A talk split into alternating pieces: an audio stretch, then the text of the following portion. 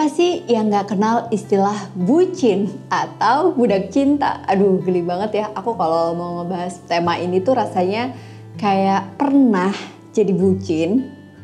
Tapi kalau dipikir-pikir sebenarnya kalau sampai sekarang ada filmnya nih ya, bucin ini, aku mungkin nggak mau spoiler dulu tentang filmnya, tapi aku pengen uh, ngebahas tentang istilah ini karena sebenarnya setiap orang itu pernah ada di posisi ini sebagai bucin budak cinta itu tuh sebenarnya apa sih? Kalau kita inget-inget arti budak itu kan kayak sesuatu yang terlintas tuh negatif gitu ya. Padahal sebenarnya bucin ini tuh belum tentu ke arah negatif. Ada positifnya juga loh. Oke, kali ini menganalisa channel, menganalisa di analisa channel ini bakalan ngebahas tentang bucin, teman-teman. Karena saking gelinya aku capek belibet ya ngomongnya ya. Tapi kalau kamu uh, ngerasa bucin, sekarang lagi pada tahap sebagai budak cinta, komen dulu dong. Jangan lupa subscribe ya. Oke teman-teman, assalamualaikum semuanya. Di tahun 2005 ini, uh, 2020 ini tuh aku ngerasa emang waktu kan berlalu dengan sangat cepat. Jadi bagi kalian yang sekarang dalam sebuah hubungan pacaran yang sebelum nikah gitu ya, rasanya mungkin kerasa lama atau cepet sih kalau lagi jarang ketemu sama si dia. Jadi para bucin ini dikatakan mereka juga mengalami tantangan secara mental juga karena biasanya ketemu terus karena pandemi jadi kayak waktunya berkurang ya kan? Apalagi yang uh, jarak luar kota gitu kan. Jadi kayak ada pesawat juga belum bisa dibuka misalnya beberapa waktu yang lalu. PSBB juga terjadi di beberapa kota uh, di Jakarta khususnya. Dan aku pengen ngebahas tentang bucin ini lebih dalam lagi teman-teman. Tahun 2005 ada seorang peneliti uh, biological anthropologist nih. Jadi dia bukan psikolog tapi antropolog. Nah si antropolog ini bernama Helen Fisher Si Helen ini dia melakukan scan otak pada 2.500 mahasiswanya. Lalu kemudian dia ngebandingin nih apa yang terjadi saat mereka melihat foto orang yang spesial untuk mereka. Jadi kayak melihat uh, foto pacarnya masing-masing gitu ya. Kemudian uh, mereka melihat foto itu dan melihat orang lain yang mereka kenal. Dan saat diperlihatkan foto yang mereka uh, lihat itu orang yang disukai, yang disayangi, orang spesial dalam hidupnya gitu ya. Ternyata dibandingkan dengan foto yang hanya mereka kenali, otak mereka tuh lebih menghasilkan hormon-hormon dopamin yang dikenal sebagai happy hormone.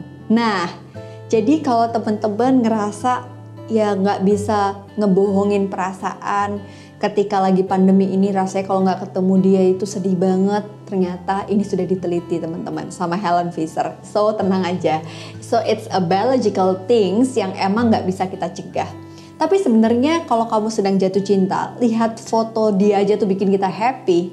So bagus kan? Kamu nggak perlu ngelakuin hal lain sehingga dengan melihat foto aja dia kita udah menghasilkan hormon happy tadi gitu. Terus kalau misalnya ini terjadi hormon dopamin ini sebenarnya apa sih pengaruhnya? Jadi bucin ini juga ada positifnya kan teman-teman. Aku ngerasa nih ya sama mantan pacarku yang sekarang jadi suamiku. Emang bener waktu zaman kita um, belum menikah gitu kan. Jadi kayak dapat WA aja tuh bisa rasanya senyum-senyum sendiri. Jadi belajarnya lebih semangat. Terus kayak ngeliat foto aja tuh rasanya udah langsung bikin kita happy dan pengen lebih uh, semangat lagi ngelakuin aktivitas hari itu. Kalau ini terjadi, maka it's okay kan? Jadi positif hormon yang membuat kita jadi moodnya tuh naik gitu. Mood booster kita untuk ngelakuin hal-hal positif. Oke, kita bicara dulu tentang hormon dopamin ini. Hormon dopamin ini apa sih Mbak Ana? Karena banyak banget yang kita baca di literatur, di Google dan lain sebagainya. Hormon dopamin ini tuh bisa mempengaruhi perilaku kita teman-teman. Hormon ini membuat kita jadi penasaran tentang ide-ide dan juga mendorong kita untuk melakukan uh, sebuah kegiatan yang kita pengen menggali informasi lebih dalam lagi tentang sesuatu itu.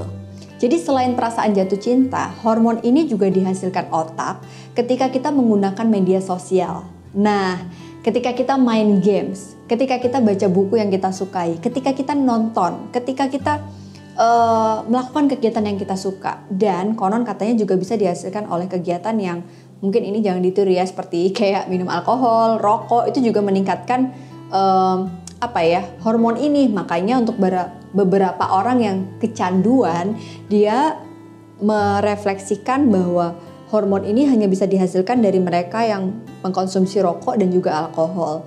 Nah, kalau kita melihat efek sampingnya itu tidak sehat, maka teman-teman coba cari gimana caranya hormon ini terproduksi tanpa teman-teman harus kecanduan dengan hal tersebut atau kecanduan games atau kecanduan nonton uh, film tertentu misalnya karena emang ini biological things yang nggak bisa kita cegah. Kalau kita mau menterapi eh, adiksi perilaku-perilaku ini memang ternyata butuh waktu dan butuh effort yang nggak biasa nih teman-teman. Oke, pada saat ini ternyata saat kita melakukan kegiatan-kegiatan tadi saya yang aku sebutin itu ternyata memang uh, apa ya orang ini tuh membuat suatu hormon dopamin yang lebih sehingga ketika tidak melakukannya hormon ini berkurang dan membuat mereka merasa jadi tidak nyaman. Jadi inilah yang menyebabkan kenapa orang yang sedang jatuh cinta itu rasanya pengen ketemu terus, pengen ada di deketnya. Karena hormon ini bisa membuat dia merasa bergairah terhadap hidup. Nah, bahayanya nih kita baru nih jadi salah kalau ternyata pusat hidup kita itu dopaminnya hanya dihasilkan dari dia. Jadi menggantungkan kebahagiaan kita pada dia seorang. Maka siapa pun itu menjadi tidak benar. Kita seperti menggantungkan hidup kita dengan orang lain dan kalau ini terjadi dan membuat kita ternyata suatu hari kehilangan dia dengan cara apa pun, ini yang membuat kita tidak bisa menggantungkan dengan dopamin yang lain atau kegiatan yang menghasilkan dopamin juga. Oke teman-teman, jatuh cinta atau merasakan cinta itu sebenarnya tidak salah Teman-teman kalau kita memproduksi hormon ini sebenarnya bagus kan? Tapi kalau kita mencintai dengan salah, nah cara mencintai orang ini dengan salah, sehingga misal nih pacar kita minta pacar kita jemput kita tiap hari. Padahal kita tahu jarak rumah kita sama dia tuh puluhan kilometer. Atau kita tahu macetnya Masya Allah. Kita tahu kalau kerjaan dia banyak dan kita ngerasa dia harus nurutin kita. Itu mungkin cara mencintai kita yang salah karena tadi menggantungkan kebahagiaan kita atas hubungan yang uh, satu-satunya hubungan dalam hidup kita dengan dia. Sehingga dia tidak tahu dopamin ini ternyata bisa dihasilkan dari yang lain loh. Dengan kita melakukan hobi, dengan kita melakukan hal yang kita suka, itu dopamin juga bisa kita lakukan.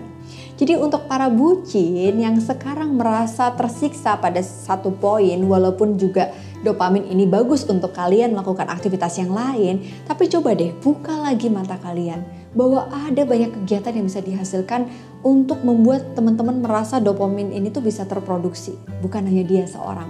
Kenapa sih mbak? Kan nggak apa-apa pacarku. Nobody knows.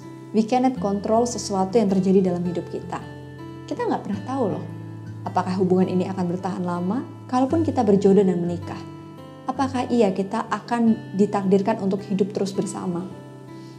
Aku punya banyak cerita pasien-pasien yang ditinggalkan oleh istri dan pasangannya karena meninggal dunia.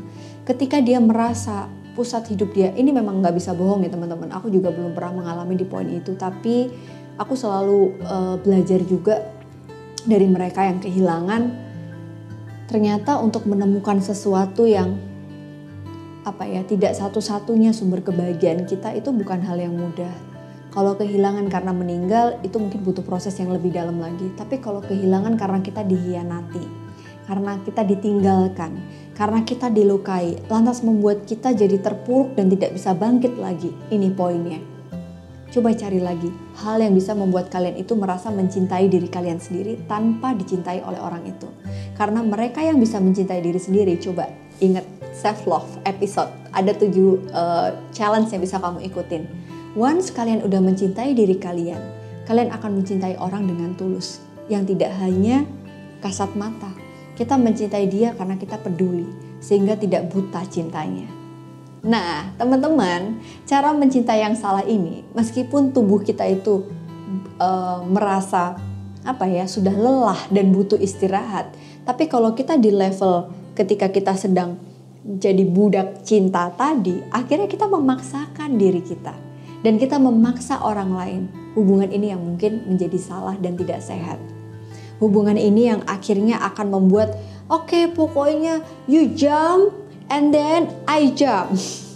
Kalau kamu lompat, aku bakalan lompat. Kamu mati, aku ikut mati. Itu udah gak logis. Artinya kamu harus coba mencintai dengan cara yang lebih benar.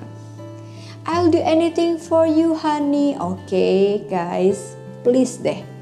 Kalau kamu disuruh lompat ke dalam jurang, kamu mau? Nah, ini artinya udah mulai nggak logis kalau kita mencintai sampai di level itu.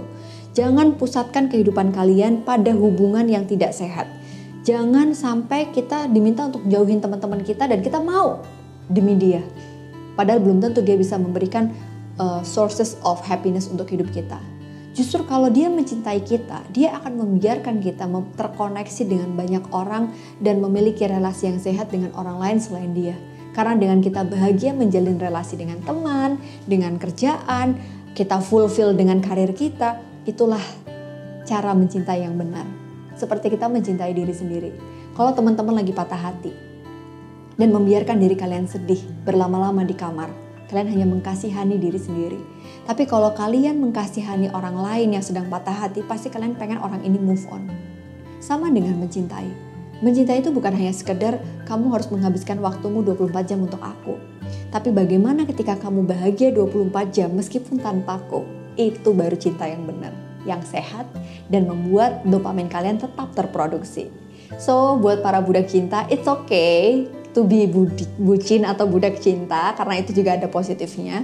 Tapi jadilah bucin yang mencintai dengan benar karena kalau sampai itu berlebihan, sesuatu yang berlebihan tidak baik. Oke, teman-teman. Jadi, dari sisi ini aku pengen encourage teman-teman to be logis, ya, to be logic. Untuk lebih logis lagi. Coba deh ketika kamu jadi bucin. Pilihannya sulit kan? Kamu harus mengorbankan masa depan, kamu harus mengorbankan hubunganmu sama orang lain, atau mungkin itu adalah orang tuamu sendiri. Gak bisa ngebayangin orang yang baru kamu temui dalam waktu kurun yang mungkin sebentar bisa membuat kamu menjauhi orang-orang yang udah kamu kenal lama dalam hidup, apalagi orang tua kamu sendiri. Jadi ada banyak nih penyebabnya. Kalau kita lihat kenapa bucin ini bisa ada. Banyak fenomena yang terjadi, bucin ini muncul karena kebutuhan di masa lalu yang tidak terakomodasi.